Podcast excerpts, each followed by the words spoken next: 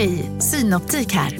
Livet med glasögon ska vara bekymmersfritt. Därför får du 30% på alla glasögon när du väljer Synoptik All Inclusive. All service ingår alltid. Välkommen till Synoptik. Som medlem hos Circle K är livet längs vägen extra bra. Just nu får du som ansluter dig 50 öre rabatt per liter på de tre första tankningarna och halva priset på en valfri biltvätt. Och ju mer du tankar, desto bättre rabatter får du. Välkommen till Circle K. Välkommen till Maccafé på utvalda McDonalds restauranger med Baristakaffe till rimligt pris. Vad sägs om en latte eller cappuccino för bara 35 kronor? Alltid gjorda av våra utbildade baristor.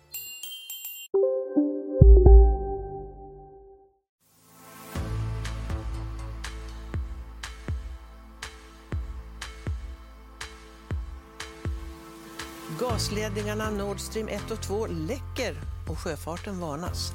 Sprängningar under vattnet igår i samma område som gasläckorna på Nord Stream upptäcktes. Alltså det handlar om ett, eh, ett sabotage. En händelse utöver det vanliga. Varje sabotagehandling mot energiförsörjningen i EU kommer att bemötas kraftfullt. Och Sverige har alltid en fullt funktionerande regering på plats. Väljer kammaren Andreas Norlén till talman? Svaret är ja. Många har med rätta upprörts idag över att Sverigedemokraterna också nominerar Julia Kronlid som ifrågasätter vetenskapen och evolutionsläran. Hur gammal tror du jorden är? Det vill jag inte svara på. Det är, inte, det är jag helt ointresserad av att ge mig in på.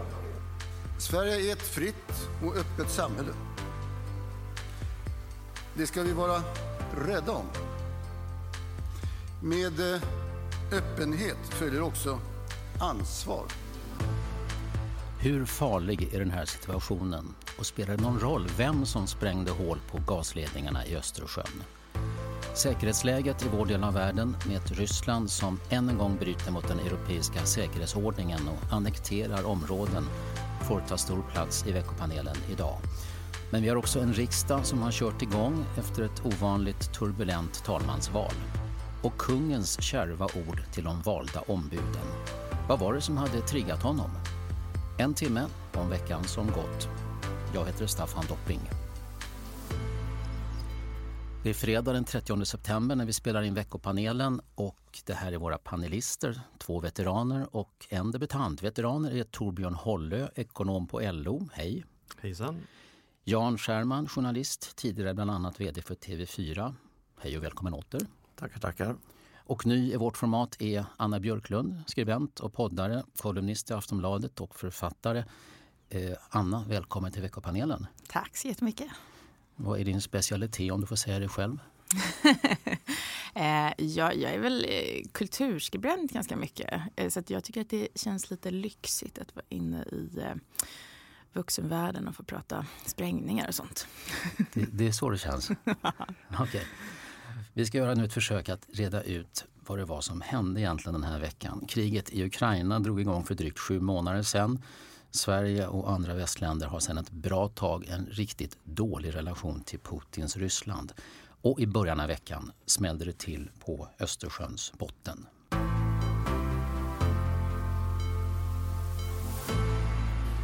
Gasläckorna på Nord Stream 1 och 2 som upptäcktes under natten utreds som medvetna attacker. Ja, vi har alltså sett att eh, det har varit en, en sprängning eller en explosion i området nordöst om Bornholm.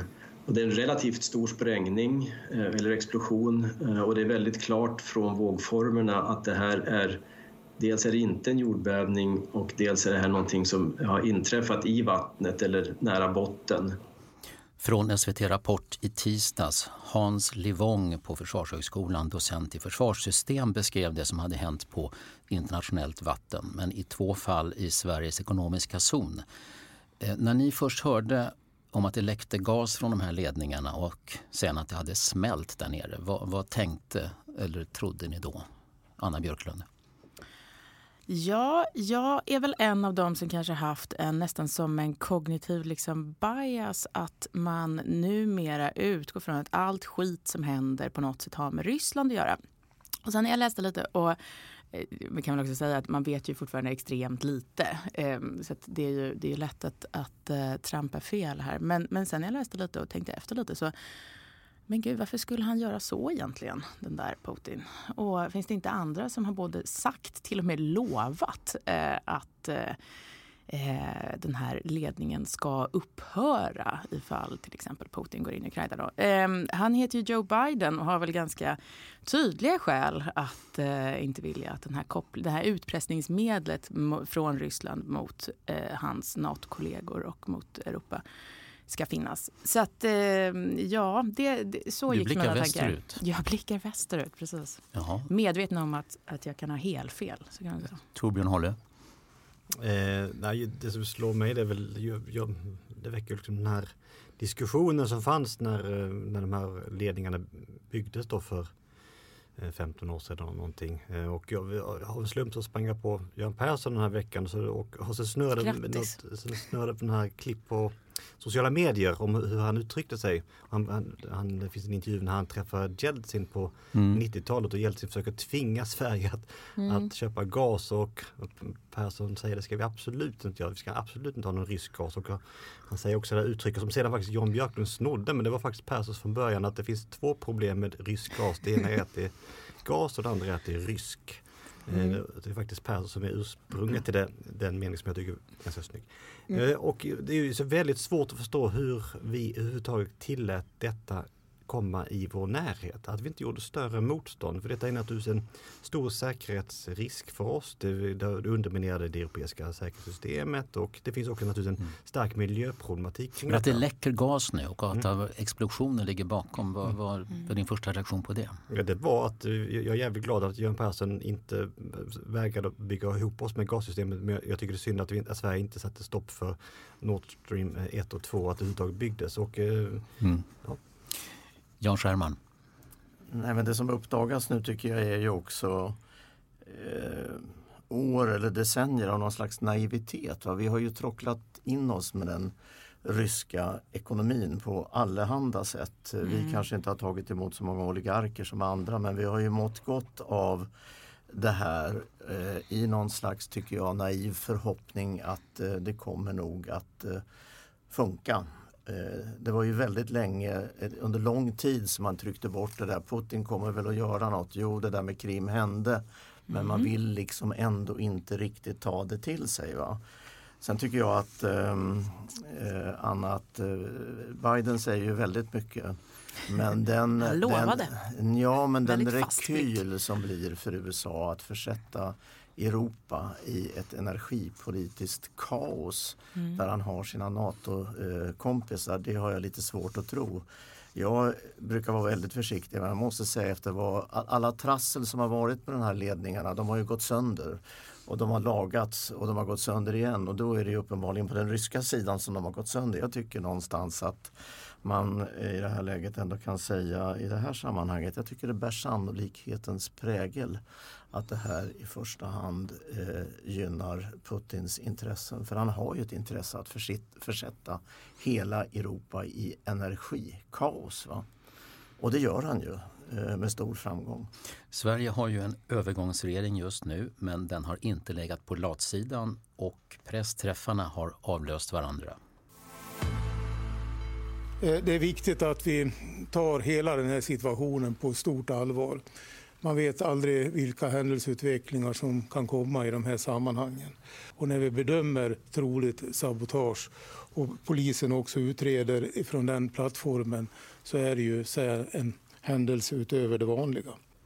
Samtidigt är det viktigt att påpeka att de här detonationerna de har inte ägt rum inom svenskt eller danskt territorialvatten utan i våra länders ekonomiska zoner. Så det är alltså inte fråga om ett angrepp på svenskt eller danskt territorium. Försvarsminister Peter Hultqvist och statsminister Magdalena Andersson. Ja, det är inte ett angrepp direkt mot Sverige eller Danmark, sa statsministern. Janne, blev du lugnad av det påpekandet? Inte direkt. Torbjörn? Nej, men det som väcker, väcker tankar är ju att det finns ju jättemånga ledningar av vikt som dras på eh, havets botten. Jag tänker på mm. inte minst IT ledningar och vad jag förstår så är de ganska få men binder samman. Också el dras på botten. En, en och annan kilowatt går ju mellan Sverige och Tyskland, det är sant. Ehm, och till, till Baltikum. Ja, men jag, men jag, jag, tror, men jag tänker framförallt, eh, det är naturligtvis el, el det är också utsatt, men, men eh, de här internetledningarna, mm. de, de, ska man nog vara lite oroliga för. Och, och, nu har ni spekulerat vem det är och då, ska jag, jag, då håller jag på team eh, Janne Kärman då, att jag tror att det, att det är Ryssland själva som, som, som har gjort det och, eh, och det mest troliga är väl att ha visat att de kan göra detta.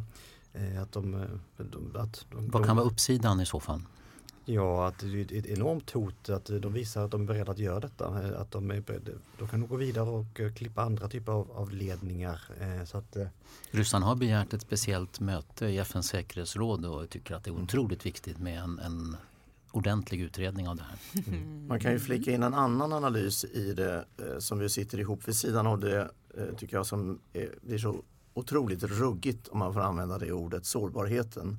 Och där krigföring kan ske på eh, allehanda olika kreativa sätt. Hybridhot och sånt. Ja, och så kan vi aldrig riktigt reda ut vem det är. Men det är ju, jag tycker man ska föra in den aspekten. För någonstans så kan det här också indikera att eh, de ekonomiska sanktioner som har satts in mot Ryssland, de börjar brännas ordentligt. Och vad gör den som är inträngd i ett hörn? En massa olika desperata saker för att mm. liksom komma upp i något slags jämviktsläge.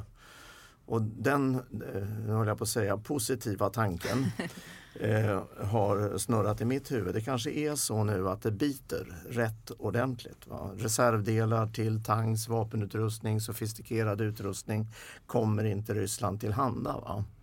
Och då sticker man hål på någonting väldigt känsligt.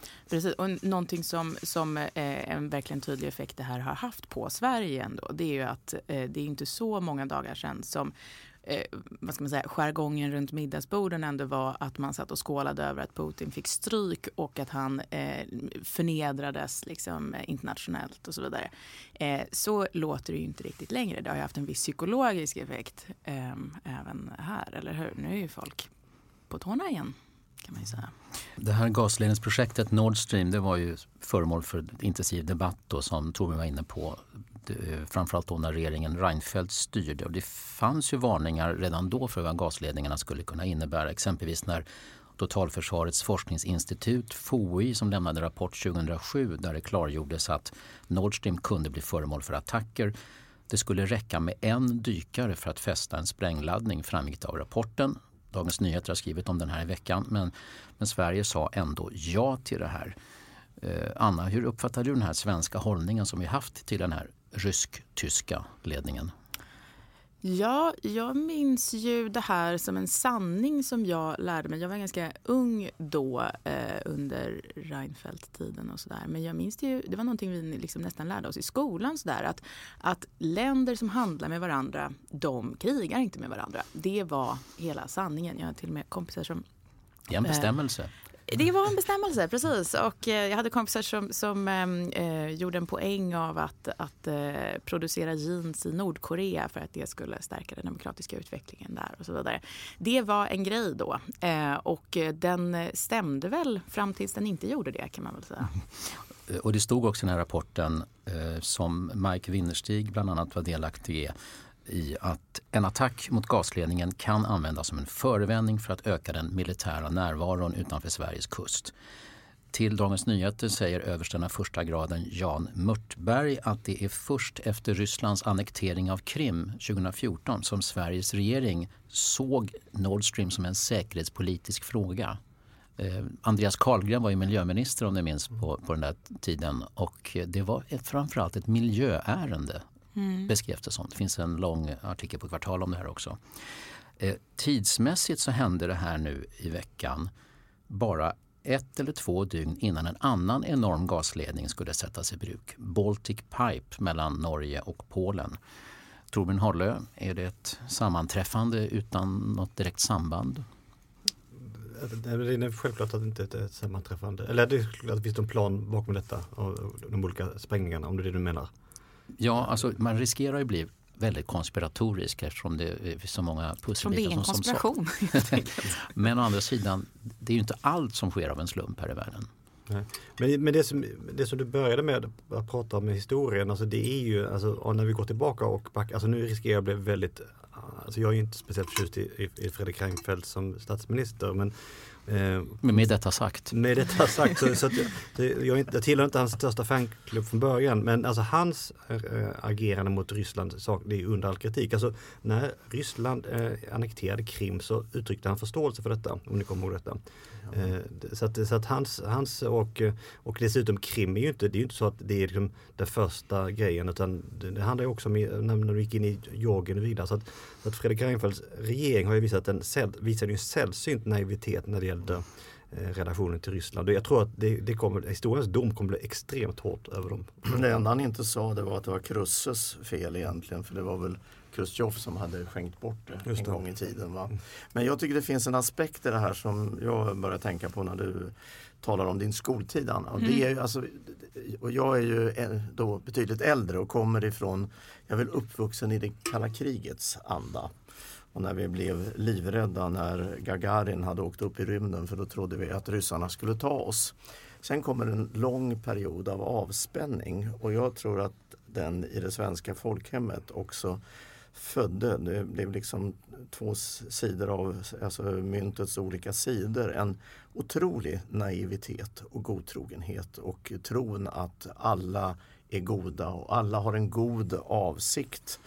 Och den tror jag har lurat oss eh, otroligt länge i den här frågan. Och jag skulle gärna se fler konspirationsteoretiker och fler worst case människor. Jo men mm. för det, som, det som händer nu Eh, det är ju att för varje sak som händer, för varje steg som tas så går vi ju allt närmare ett oerhört obehagligt scenario.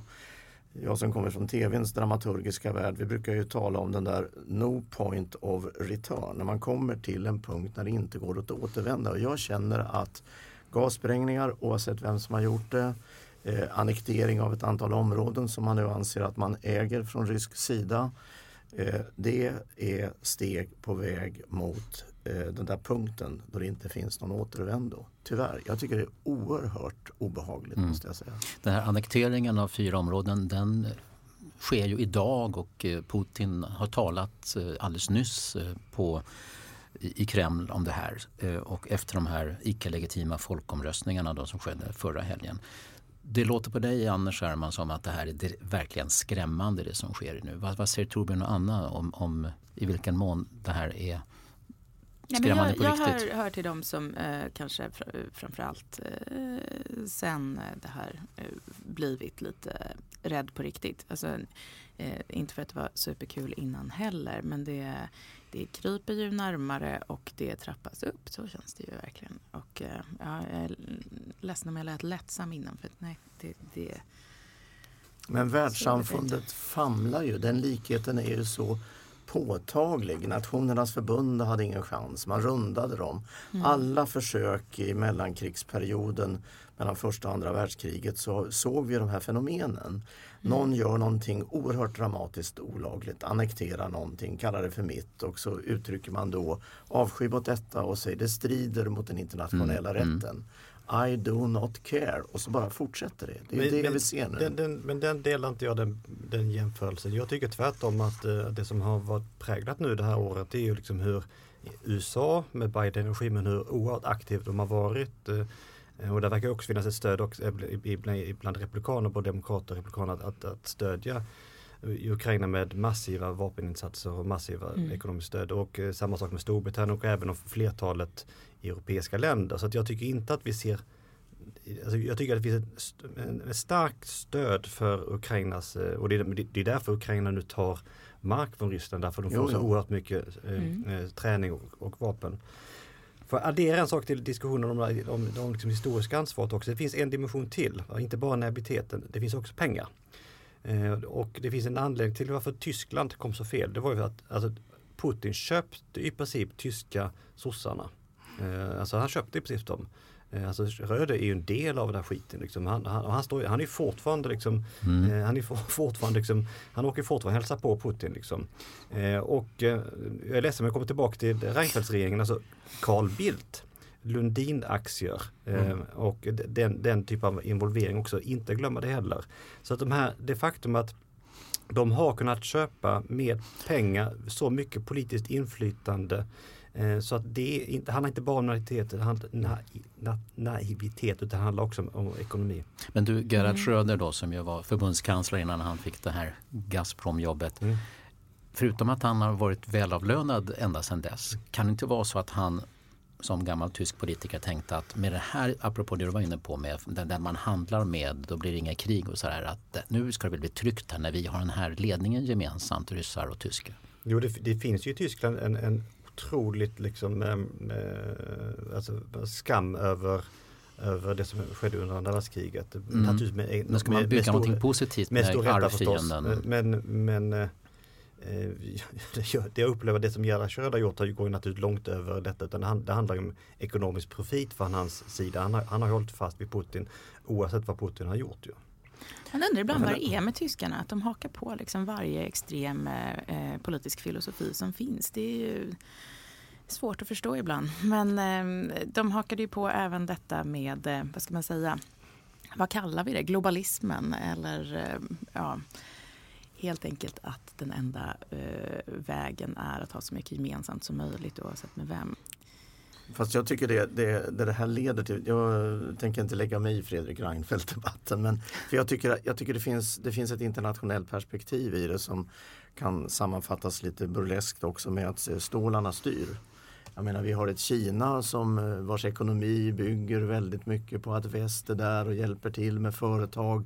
Och det det här har skett eh, under historiens gång på olika sätt också. Vi har trott att det där kanske kan influera till jag, menar, jag har suttit och pratat med personer från Investor och andra eh, stora ekonomiska sfärer som säger är vi där så kan vi också tala om vad fint det är med demokrati och det kommer att påverka. Va? Och så har man inte talat om den här andra effekten att man faktiskt skapar beroendeförhållanden. Och de är ju okej så länge man inte skickar bomber på varandra. Men när det händer så uppdagas ju, tycker jag, problemen i löpsedelsformat. Va? Förutom det här med annekteringarna som alltså sker här och nu.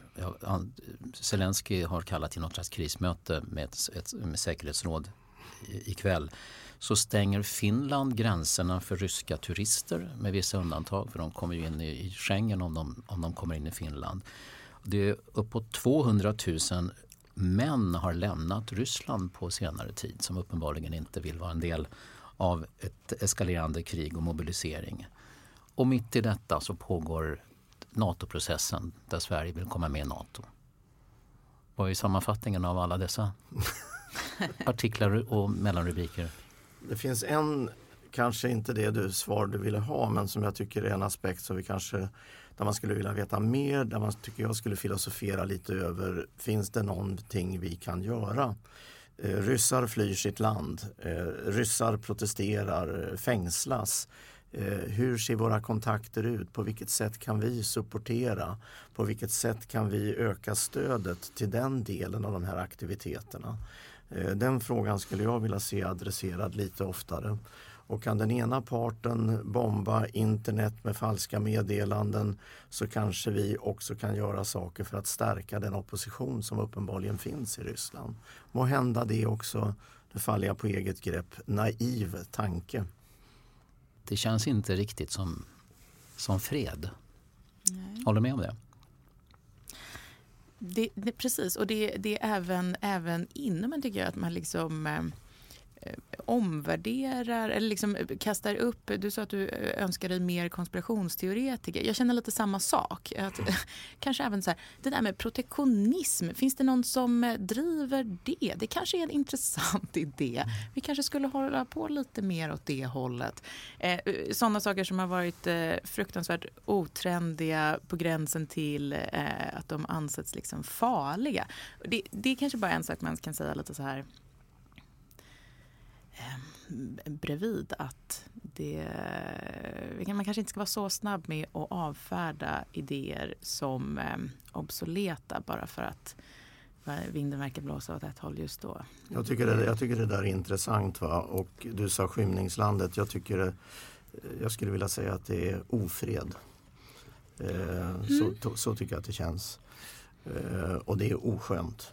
Eh, och eh, sen så känner jag att det här är svårt. Va? Vi är, jag är uppvuxen i en generation där man eh, uppför sig ordentligt och gör korrekta saker. Det fick man lära sig. Vi möter nu en Putin som gör allting irrationellt, fulspel, brutalt, mördar människor. Och det var kanske det jag menade med att jag tycker att samhället i viss utsträckning, jag polemiserar lite nu med, med dig, att eh, jo, det finns en kraft emot. Eh, Europa enas, hjälper Ukraina, men det finns ett världssamfund i FN som ju är lika eh, förlamat genom konstitutionen att man inte kan göra något som får en legal betydelse. Mm. Och det jag ska komma till då som eh, jag snodde runt för att smita undan men mm. det är vi kanske också skulle börja fundera på vilka okonventionella metoder vi skulle behöva göra för att möta mm. och stötta den ryska oppositionen vi kanske inte ska vara lika artiga och eh, skötsamma som vi har varit om vi ska kunna hantera har den här situationen. Har vi någon ledning vi kan spränga kanske? Eh, vilka är vi? Är det vi i Sverige eller är det hela Europa som måste göra gemensam sak? Vilket perspektiv ska vi ha?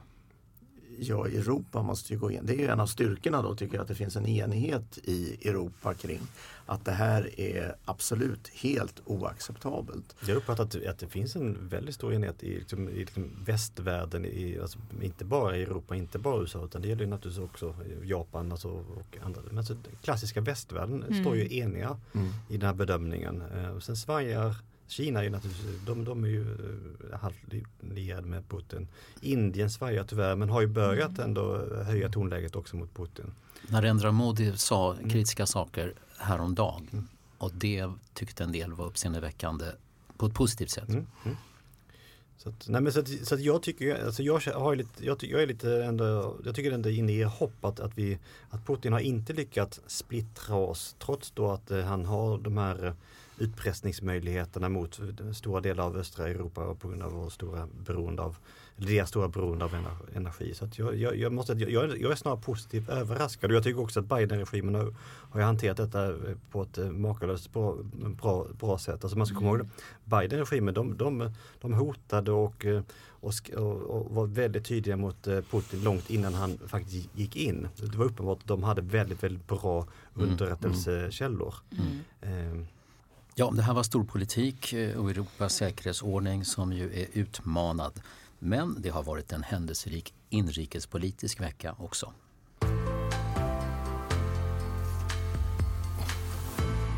Väljer kammaren Andreas Norlén till talman? Svaret är ja. Eh, jag är djupt tacksam över att ha blivit vald med stöd av riksdagens samtliga ledamöter. Jag vill återgälda det förtroendet genom att anstränga mig för att vara hela riksdagens talman. Det är ett väldigt speciellt uppdrag att vara riksdagens talman och jag är väldigt glad att jag har kunnat utföra det på ett sätt som eh, partierna i riksdagen har uppskattat.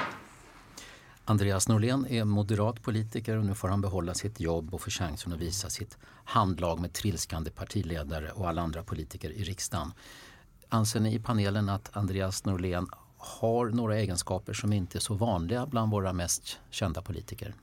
Ja, han är ju som en, som en opolitisk eh, tjänsteman. Han är ju som det som... Ehm, jag tänkte att det räckte med att ha kungen som statschef. Men tydligen är det bättre om det där eh, hoppar ner några, några ytterligare skikt ha en sån Han mer representativ... opolitisk än tidigare talmän som du minns?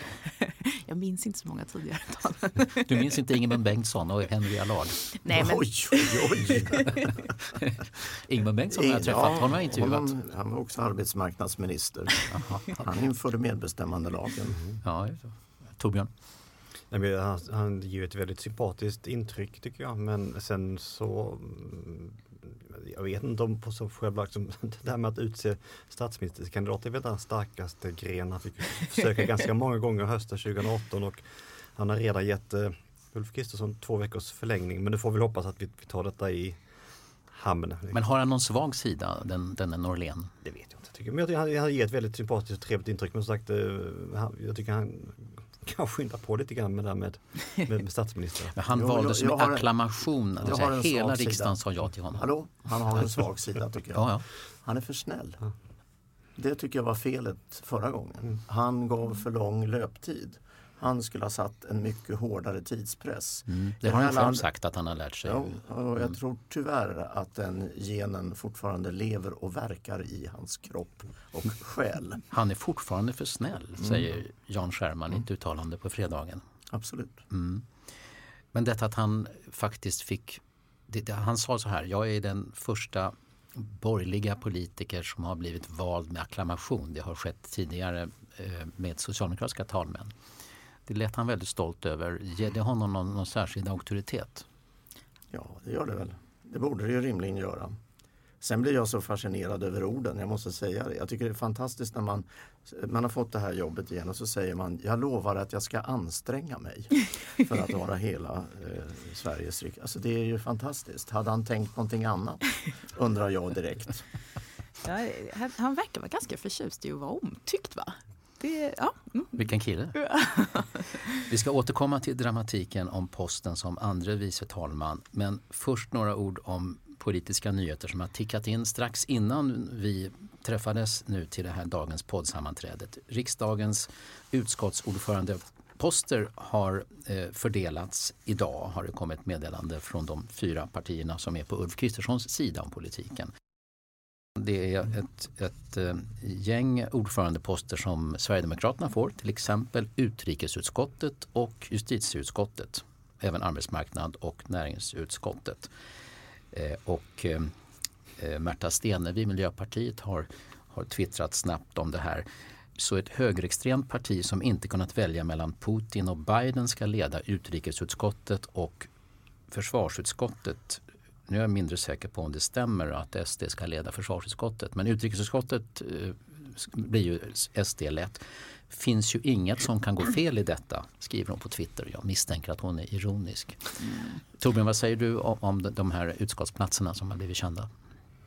Nej men eh, i och med att de har ingått sånt nära samarbete med de andra eller med, med, med Moderaterna, KD och L så, så låg det väl tänkt riktning att de skulle få flera eh, tunga poster. Eh, så att det meningen är det inte så konstigt. Det är väl såväl utrikesminister, utrikesutskottsposten som jag jag hade nog trott att de skulle hålla Sverigedemokraterna borta från den posten, alltså från Moderaternas sida. Jag tror det. Men så att det, det är lite förvånad över. Men annars tycker jag tycker det, det, det, det är väl ganska naturligt att de, att de får sin beskärda del på den sidan så, så att säga i antal utskott och att de eh, även behöver vara några tyngre utskott. Men just utrikes och försvarsfrågor hade jag nog ändå trott att Moderaterna skulle försöka behålla själv. Tror du att det här betyder att, eh, att de inte är med i regeringen? Att de belönas på det här sättet istället?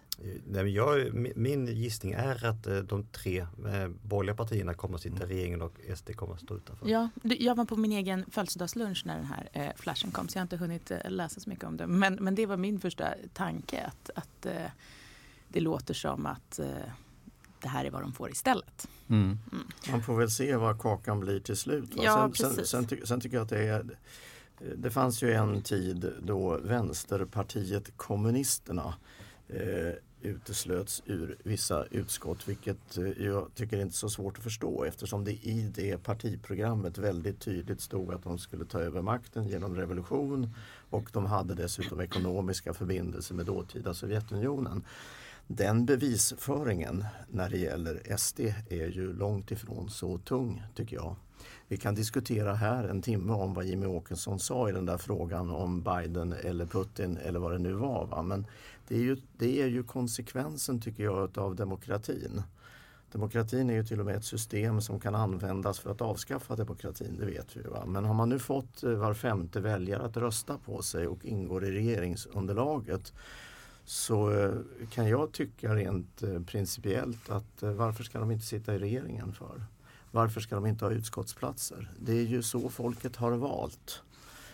Och här pågår ett annat spel. Va? Ni får inte vara i regeringen men ni får det här istället. Vad tycker de väljare som har röstat på dem? För de har väl röstat på dem för att de skulle bli stora och sitta i regeringen. Fast de andra tre partierna på den sidan har ju lovat i valrörelsen att det absolut inte kan bli någon regering med SD i. Så det, det, har man väl ändå gjort utfästelser om. Jo, och hade jag varit Ulf så hade jag nog velat säkra Liberalerna först för Sverigedemokraterna har väl inte ja. så mycket stans att springa med det men jag, är, men jag är inte Ulf, jag ställer mig lite vid sidan av och så tycker jag att för det här är också en definition av vad demokrati är. Är demokrati på det sättet att den som får majoritet tar ingen hänsyn till någonting annat i den folkopinion som har kommit till känna eller försöker man väga in olika aspekter i det?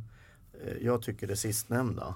Och jag, mm. jag, har, jag har väldigt svårt att förlika mig med i så fall då vad Ulf och hans kompisar har gjort för att stänga ute Sverigedemokraterna. Eh, jag, är mm. inte riktigt, jag är inte riktigt med på den logiken. Men utskottsfördelningen följer en annan logik än regeringsbildning. Här, handlar det om att alltså, den andra sidan kommer ju få här, den andra halvan av, av ordförandeposterna. Så det finns en annan typ av fördelning.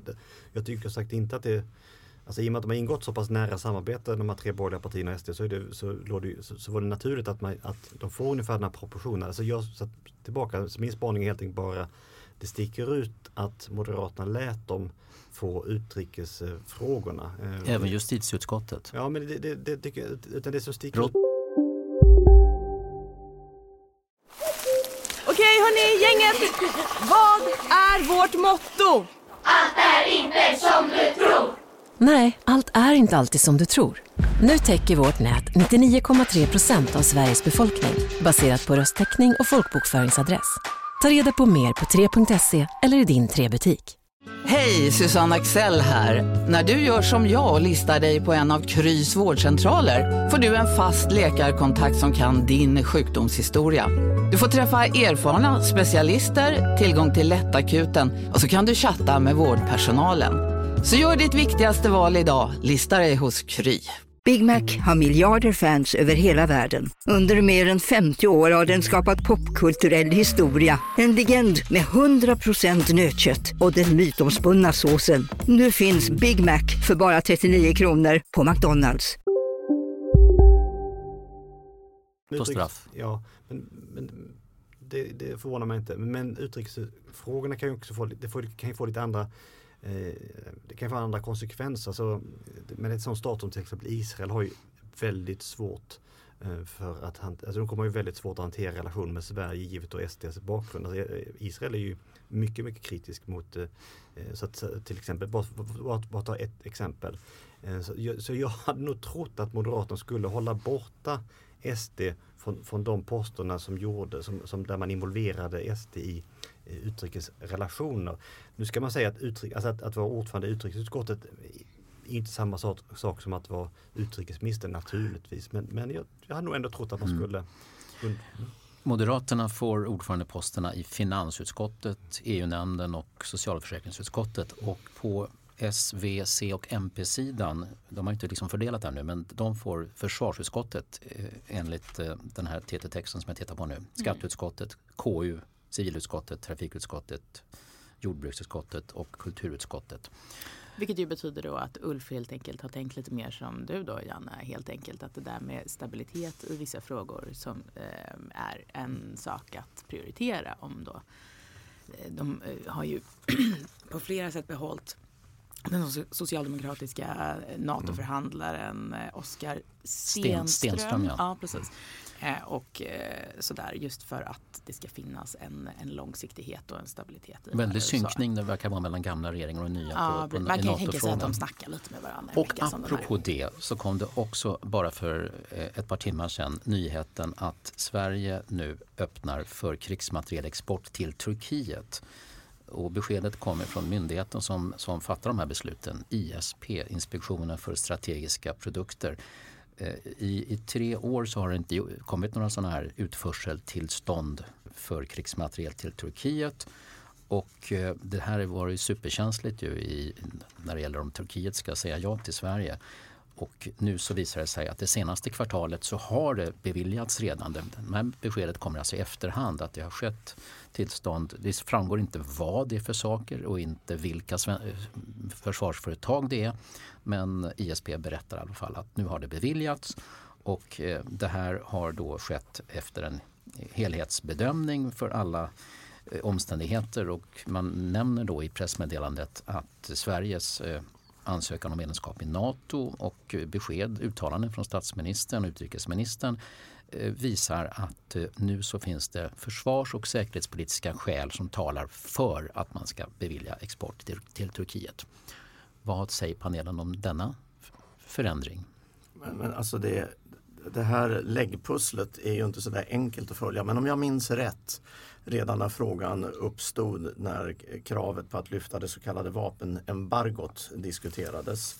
Och det, och det finns inte ett sånt vapenembargo. Nej, och, det har inte gått att lyfta egentligen för det fanns inget. Nej, men det var ju så det pratades eh, för inte så länge sedan varvid regeringens företrädare eh, bedyrade att det inte fanns något mm. medan andra hävdade att det fanns. Men det fanns inte. Och därför är väl det här en logisk konsekvens av sakernas tillstånd. Trots att det här är inte så länge sedan som nyheten kom så uppfattar jag på en del kommentarer på Twitter att topplocket nog har gått hos en del debattörer och opinionsbildare när den här nyheten kom om export till Turkiet. Som om det, det här så att säga, skulle vara ett, ett allvarligt moraliskt brott mot vad Sverige har ansett sig vara i åratal. Mm naturligt steg i avförtrollningen av den stackars svenska självbilden. Vi har ju varit på den goda sidan och nu är vi plötsligt i en värld där det inte finns en god sida. Utan man måste liksom vara med och slåss på riktigt med de stora killarna. Och det är såklart jättejobbigt för oss alla. Sen tror det vi bara, jag helt sen, oironiskt. Ursäkta att jag avbryter för den här goda sidan. Vi tror ju bara ja. att vi har varit på den goda ja. sidan. Vi har haft eh, en del krångligheter med Bofors-prylar som har exporterats till Krångligheter var ordet. Ja, krångligheter. eh, lagöverträdelser visade det sig. Vi har exporterat tycker jag i sådana här gränsfallssituationer i eh, känsliga områden i eh, Indien och trakterna däromkring, Pakistan och så vidare. Så att eh, det, råder ju någon slags, eh, vad heter det, eh, skenhelighet kring, kring mm, det där. Exakt. Och den kanske spricker nu. Jag har svårt det är därför det är psykologiskt svårt när verkligheten kryper för nära. Du vet, det är då... Eh, Torbjörn, är det ett paradigmskifte till exempel när det handlar om vilka som man kan leverera krigsmateriel till? Jag vet inte om jag håller med att det är skenheligt. Jag tycker väl att Sverige har haft ambitioner att, att, att undvika att exportera vapen till de värsta eh, krigshärdarna. Men eh, den här gränsen är naturligtvis, det kommer varje gång man exporterar vapen så förr eller senare finns ju alltid risken att de används och, eh, och då blir det obehagligt. Men jag, jag, tycker att, jag vet inte vad ska man göra? Det är väl bra att man har en viss ambition att försöka undvika att exportera till där det, där det är som mest plågsamt, där det, där det orsakar de mest obehag. Så jag, jag, tycker att, ja, jag vet inte om jag skulle säga att det är skenheligt, det är väl bra att man gör ett försök och jag försvarar det ordet, men jag tycker man kunde ha gjort det i så fall lite oftare precis som du säger. Det är ju ingen bra idé att exportera vapen med biljetten får inte användas. Eh, för det är det lite grann jag tycker att man har försökt ge intrycket. Vi exporterar i trygga zoner. Det är bättre i så fall att exportera, att ta bort de här värsta krigshärdarna.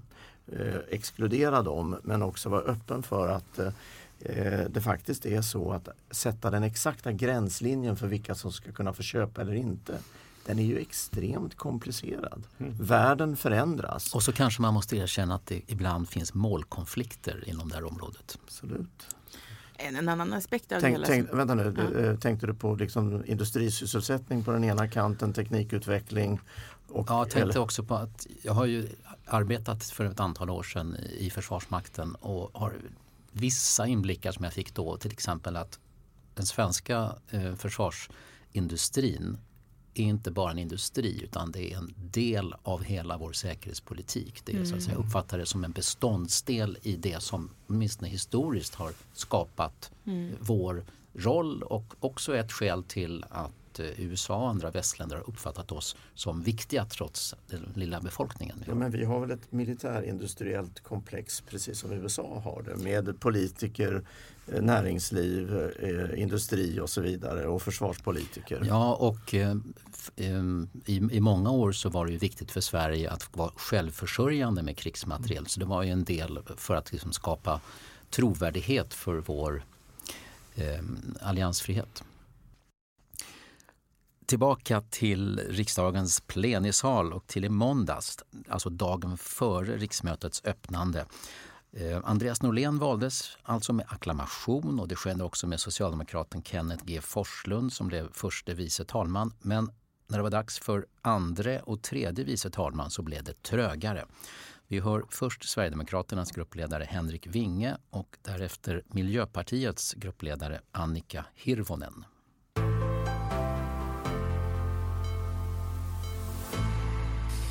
Det är också med stolthet som jag eh, för den sverigedemokratiska, moderata, kristdemokrata och liberala gruppens räkning nominerar Julia Kronlid till posten som andre vice talman. Abortmotstånd dödar kvinnor. Historien och framtida generationer ser oss. Var och en har ett val. Fru ålderspresident, många har med rätta upprörts idag över att Sverigedemokraterna också nominerar Julia Kronlid som ifrågasätter vetenskapen och evolutionsläran. Miljöpartiet går fram med en egen kandidat för att vi inte kan sitta här och passivt acceptera att genom acklamation rösta för att rasismen och abortmotståndet får plats i talmanspresidiet även i Sverige.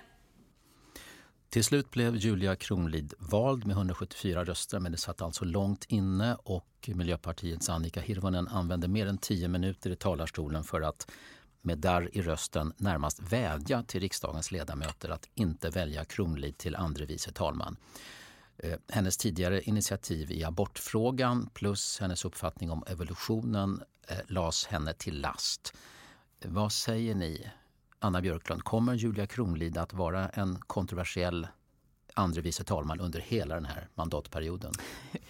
Ja, hur mycket eh, avtryck på politiken en andra vice talman egentligen gör vet inte jag riktigt. Men, men eh, det, jag tycker att det, det, är alltid intressant när politiker börjar snacka vetenskap. Alltså som att det fanns liksom ett recept för vad som är bra för ett land och så som forskningen kommer fram till och som absolut inte går att ifrågasätta. Det, eh, så låter det inte i alla frågor kan man säga, utan det tar man lite när det passar. Sådär. Det vore jättekul att höra eh, en svensk politiker driva, driva vetenskaplig politik i till exempel narkotikafrågan. Eller något sånt. Så att det, det, där är ju lite, ja, jag vet inte. Ja, vad säger du om brandtalet som Annika Hirvonen höll? Ja, eh, en smula fjantigt i sammanfattning. Torbjörn? Ja, nej jag är nog benägen att instämma med Anna. Att, att eh, jag, jag tillskriver inte den här posten så stort inflytande och att jag tycker att det är rimligt att man gör att, de, att SD trots allt är det näst största partiet att de får en, i det här fallet då, andra vice ordförande. Det verkar inte helt orimligt. Eh, sen så är det naturligtvis pikant att, att vi har då en andra vice ordförande som då inte tror på evolutionen. Eh, det, hon vill i alla fall inte svara på frågor. Hon vill inte svara på frågan om evolution. Nej. Ja, hon sa att det var trams. Hon hade sagt det där en gång för länge sedan i en väldigt personlig intervju. Ja. Som om det då inte gällde. Sen kan man ju ändra sig och inse att evolutionen gäller. Vi ska höra faktiskt henne från mm. TV4 om en liten stund. Men. Får jag säga något i den här frågan? Ja. Jag har en liten åsikt. För jag, tycker, jag tycker Alltså vi, vi, var inne på det tidigare och eh, talmansposten eh, har inte någon större politisk makt men fyller en viktig funktion i kritiska lägen. Vi befinner oss i ett kritiskt läge och vi ser till hela världen och då är det ju bedömningen av personens omdömesgillhet eh, eller vad det nu kan tänkas heta. Och eh, jag kan ju tycka med hennes politiska bakgrund och eh, åsikter om att eh, jorden inte var, jo, den var rund, den var inte platt, det var inte det hon sa. Men det var det här med, den är väldigt ung bara. Den, den är väldigt mm. ung. Alltså jag, hon ska ju ha riksdagens fulla förtroende. Jag, tycker, jag kan inte låta bli utan att jag tycker det är lite knepigt. Och jag tycker att det spelar mindre roll huruvida hon kommer att ha politiskt inflytande eller inte. För vi talar om det här talmanspresidiet som ska åtnjuta hela riksdagens förtroende. Det är en liten prick i mitt protokoll.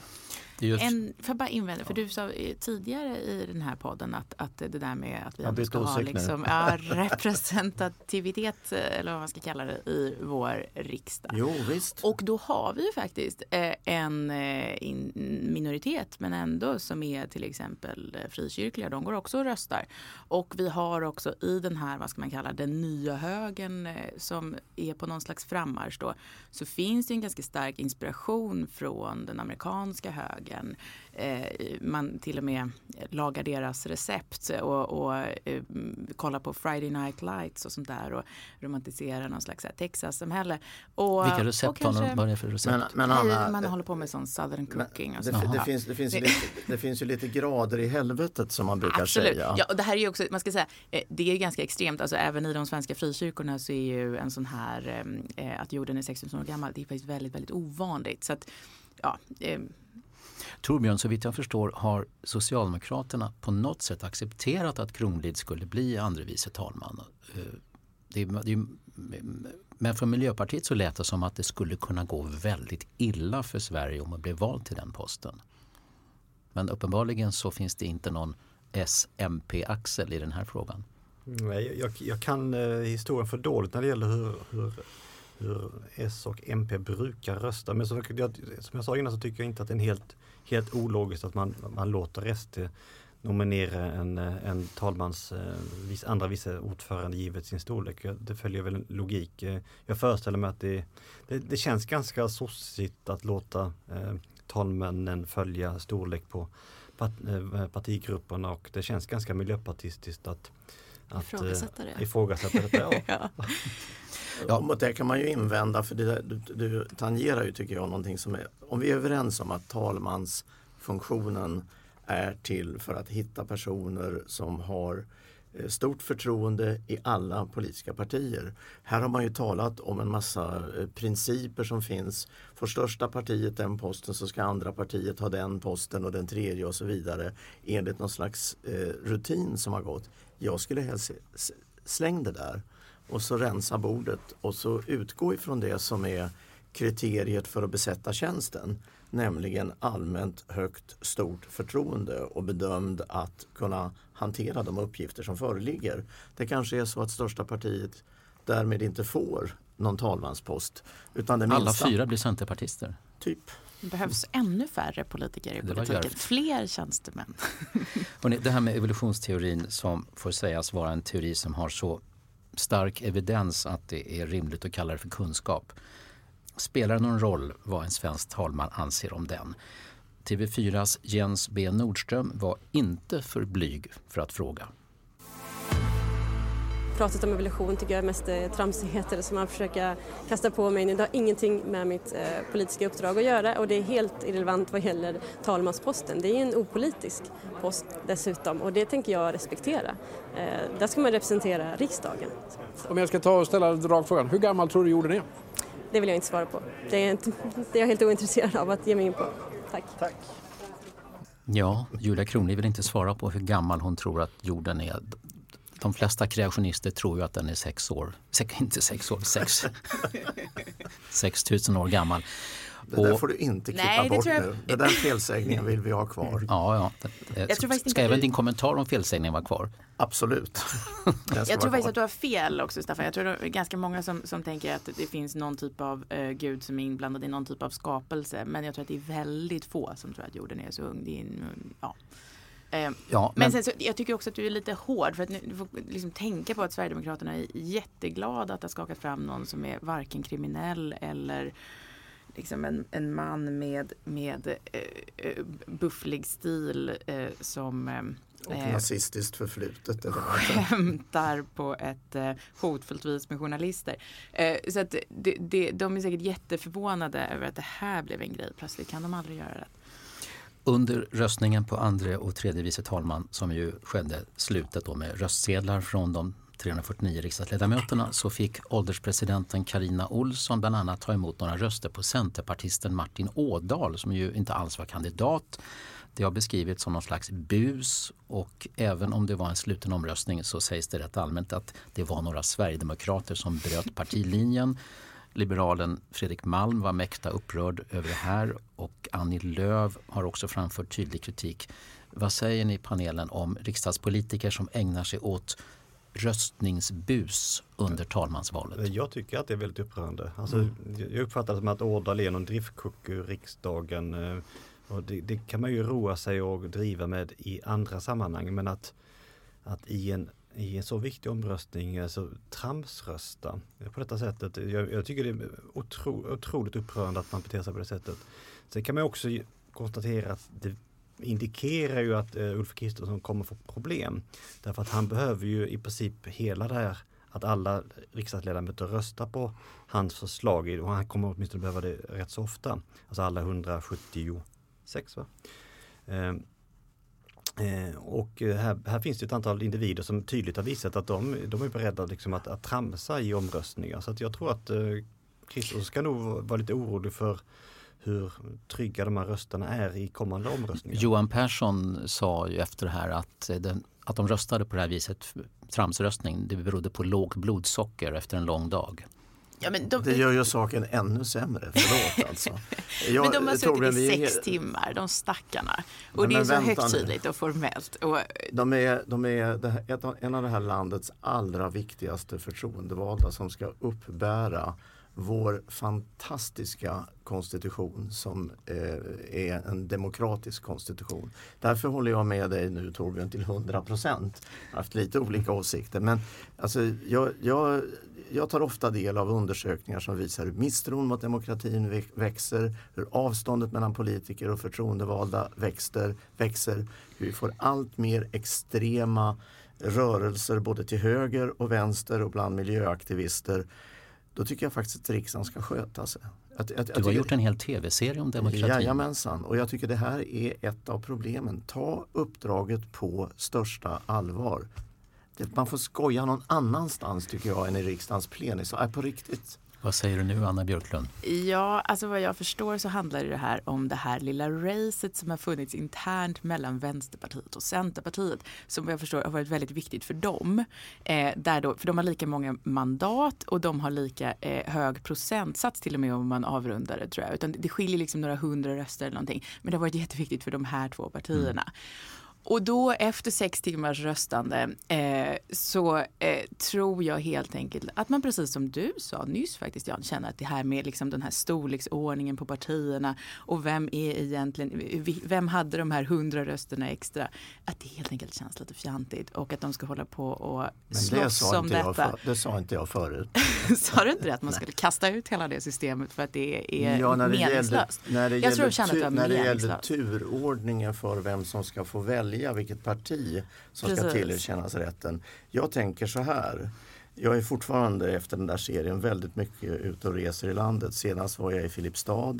Eh, jag har varit i Ystad nyligen. Eh, jag, kommer, jag är uppvuxen i Östergötland. Jag vet med vilken respekt man såg på Östgötabänkens representanter i, som det var då, tvåkammarriksdagen. Det finns ju de här Östgötabänkarna och allting kvar. De är faktiskt representanter för gemene man ute i landet. Jag tror gemene man ute i landet har väldigt svårt att förlika sig med.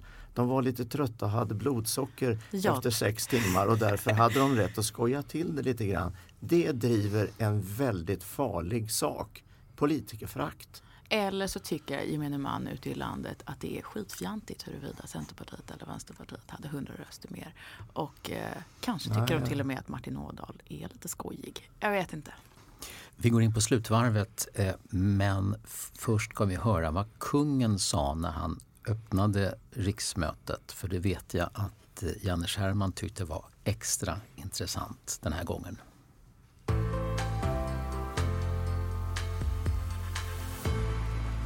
Ärade ledamöter. Jag eh, förutsätter att var och en av er är här av en och samma anledning. Att ni vill bidra till en god och trygg utveckling för Sverige.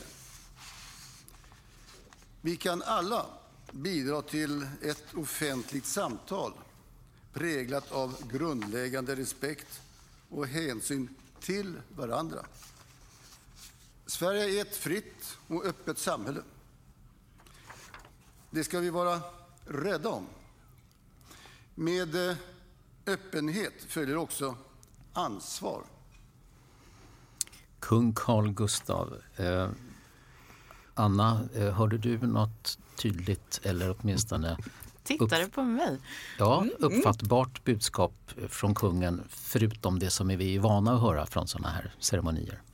Ja, men det är ett, ett, eh, någonting som eh, jag eh, till exempel fått höra av, ofta av lite äldre människor, dit räknas väl kungen, att det där med att hålla tonen är extremt viktigt på olika sätt. Och då tro, jag tror faktiskt att det här är lite en, en missuppfattning mellan generationerna. Vi kan säga, jag, skri, jag har till exempel skrivit en krönika som började med orden “Jag hatar Annie Lööf” eh, i, Ja, den var du som skrev. förra året. Och ehm, då mötte jag väldigt många som lät ungefär som kungen när de pratade med mig. Och eh, ehm, jag tror bara att det här är eh, en ehm, man misstar sig lite om man tänker sig att det skulle gå eller att det ens skulle vara positivt att människor skulle tala i media och uttrycka sig som att media fungerade som det gjorde förr i tiden. Alltså på, på 40-talet kunde man ha en sån perfekt radioröst som låter så här och man säger aldrig fel och det är alltid eh, enligt någon slags mall. Ehm, för att då är kameran på väldigt kort tid eller mikrofonen på väldigt kort tid. Eh, vi som är uppvuxna vuxna med att, att kameran alltid är på så att säga. Eh, det blir ju en annan det är helt enkelt nödvändigt att vara lite mer människa, att vara lite mer, ha ett helt känslospektra, att kunna vara lite förbannad, att kunna vara lite personlig, att kunna faktiskt eh, säga att gud den där jäveln, den hatar jag. Och ehm, ja, jag tror helt enkelt att det bara är så det funkar. Och jag Men det som också kungen att sa nu i vara tisdags. Ja, eh, precis. Eh, jag, för jag tolkade det lite som någon slags uppläxning. Eh, och jag tror att det finns demokratiska fördelar med att eh, förstå sina riksdagsledamöter som människor lite också och inte bara som eh, någon slags professionella robotar. Så tror jag. Kungen var en riktig boomer med andra ord. Ja, ja, ja. Torbjörn? Det var intressant, för jag gjorde inte alls samma tolkning. Alltså jag tolkar, alltså jag, det är möjligt att det var som man ska tolka det, att det var en kritik liksom mot egentligen det. Samtalsklimatet eller vad det kallas. Ja, för att jag gjorde inte den tolkningen av det utan jag, Nej, jag, okej. utan jag läste in att han att han var kritisk mot dem, eh, så att säga, eh, att man hade ifrågasatt, att de, politiska partierna i den här valrörelsen ifrågasätter varandras liksom, demokratiska legitimitet. Alltså det var det jag läste in i det. Mm, mm, Alltså, att, alltså inte, inte, hur, inte att vi liksom babblar hela Inte tiden. att folk är yviga på Twitter. Nej, det, Nej, var, det var jag inte det jag läste in i det. Nej. Så att, nej, men det återstår. Vi sitter här som kremlologer. Ja, vi kan be, be kungen om en tolkning vad han menade. Men, men, men, men för att den tolkning som jag gjorde tyckte jag att det var ett värdefullt eh, kommentar från kungens sida. Att, eh, att, eh, att det är viktigt att vi inte tillskriver våra motståndare liksom, eh, i onödan onda eh, avsikter. Ja, Janne, du har väl ändå gjort din tolkning. Så att detta är vad kungen menade. Ja, När du skrev jag, jag, satt där, jag satt där på läktaren, jag har suttit där många gånger och eh, lyssnat på kungens eh, öppnande av riksdagen och jag måste säga att jag studsade till. Eh, det har ofta varit idel meningslösheter om man får säga så tidigare. Ganska tomt. Den här gången så uppfattade jag en väldigt tydlig adress. Jag tror kungen har följt en del av valdebatten som jag kallar för skrikdebatten. Man får 30 sekunder och då ska man förklara kärnkraften. Och går man över tiden så blir man åthutad och så skäller man på varandra. Och jag har ingenting emot, eh, för jag gillade inte din eh, Annie Lööf-krönika. Jag skrev många... Är det sant? Ja, då missade, du- missade du mitt svar där. Det var många tag. Mm. det, därför det, jag tycker det, det, det jag hör i kungens tal är att faktiskt eh, lyfta respekten för varandra i förrummet. Eh, även om vi har olika åsikter, lyssna på varandra och respektera. Smacka inte tillbaka varenda gång. Eh, jag blev utskälld rätt mycket när jag var liten för att jag svor för mycket. Så det fanns, eh, jag, håller inte, jag tillhör ju den där äldre generationen som du beskrev. Och jag, eh, visst, det fanns ett, ett officiöst tal i radio och tv på ett annat sätt. Men det fanns också ett språk som var väldigt vulgärt och hårt men frekvensen av hårdheter var betydligt mindre. Och jag tycker att den här vulgariseringen som jag hävdar att kungen opponerade emot eh, den tycker jag är djupt olycklig för den skapar klyftor, den skapar hat och den eskalerar så småningom till någonting annat än verbala angrepp för det finns liksom till slut ingen annanstans att ta vägen än att slå någon på käften. Va? Och eh, för en gångs skull så skrev jag Bravo kungen. Det var ett ord i rättan tid. Det har du aldrig skrivit förr? Nej, det har jag faktiskt inte gjort. Men den här gången gjorde jag det för att jag tyckte det var påkallat efter en, förlåt, plågsam valrörelse av skrikigheter och otidigheter. Jag tycker nästan att den här valrörelsen eh, skulle kunna få en rubrik typ demokratisk kollaps. Ja, jag kan hålla med om att, att eh, hade jag varit eh, strateg åt något parti så hade jag nog eh, förordat något lite mer. Det kanske säger någonting att den som gjorde det bästa valet var Jimmy Åkesson som också är den som har suttit ner och lutat sig tillbaka mest av alla. Mm. Det kanske inte är så himla eh, smart det där bredbandet. Men däremot håller jag inte riktigt med. Jag är inte säker på att det funkar så faktiskt att för att någonting eh, sägs eller sägs i lite hårda ord eller eh, med, ett, med känslor bakom att det automatiskt skulle leda till terrorism. Eh, det, det är jag inte jag inte. faktiskt jag säker på. Nej men, jag, nej, men, men eh, det är ändå ganska många som har gjort kopplingen mellan den här, eh, det här hemska mordet i Visby som är någon slags, man får kalla det terrordåd ändå väl, ja, i somras och hoten mot Annie Lööf med eh, tongångarna mot henne eller kritiken mot henne och de ord man har använt. Och jag är inte säker på hur det funkar. Jag vet faktiskt inte det, men det gör nog inte du heller faktiskt. Nej men jag säger um, inte annat man, eh, man säger skithögt till någon och nästa gång så slår man personen eller någon annan Nej, eller så kommer en galen människa från Absolut internet inte. och skjuter Men jag hävdar bestämt Nej. att om vi tilltalar varann allt oftare med jag hatar dig, du är en jävla idiot så skapar det ett väldigt konfliktfyllt samhälle där vi tyvärr lyssnar allt mindre på varandra. Och det var det jag menade.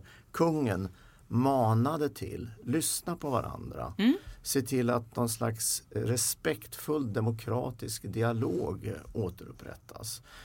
Eh, han använde ord som jag ska återkomma till om den programpunkten finns kvar som jag tycker att man nästan aldrig hör i vår tid numera och som jag skulle vilja En teaser hylla. från Janne Scherman. Ja. Mm. Mm. En, väl, en vältalig paneltrio här och eh, vi, nu går vi in i slutvarvet då. Det är ju veckans person eller veckans ord eller citat. Um, Anna, du kan börja. Ja, min veckans person är Sankt Göran. Nu, det, eh, eh, vi firar ju Mikkelsmäss nu den här veckan. Det har jag, I min lilla skärva av världen så har jag gjort det med mina barn den här veckan. Jag trodde det var krisberedskapsveckan. Och, nej, det, det, eh, och det är också min födelsedag. Jag är väldigt stolt över att fylla år den här tiden på året för det är ju modets högtid. Och då har vi haft Mikaelispel då där Sankt Göran dräper den här draken och draken symboliserar den här eh, själviskheten och, eh, som har eh, lagt sig och förmörkat en stad och så kommer Sankt Göran och eh, befriar staden med ljuset och modet. Det tycker jag är en, mm. någonting man kan ha i huvudet i helgen kanske. Tack för ditt bidrag. Torbjörn? Ja, det blir något helt annat. Eh, jag tänkte liksom annonsera att, eh, att ett dödsfall eller, eller det var liket, eller liket är extra dött, nämligen trickle down economics. Eh, du hamnar ofta på ekonomi. ja, fan, efter alla år på universitetet måste man ju ha nytta av det. Nej, men, eh, nej, men det, vi har fått en ny eh, premiärminister i, i, i, Storbritannien och hon är en stor vän av eh, Reaganomics, eh, Trigger Down Economics, det som på svenska heter hästskitsteoremet. Det vill säga, det vill säga att om, om du föder de som är rika så kommer ramla liksom till slut smulorna ner längst ner.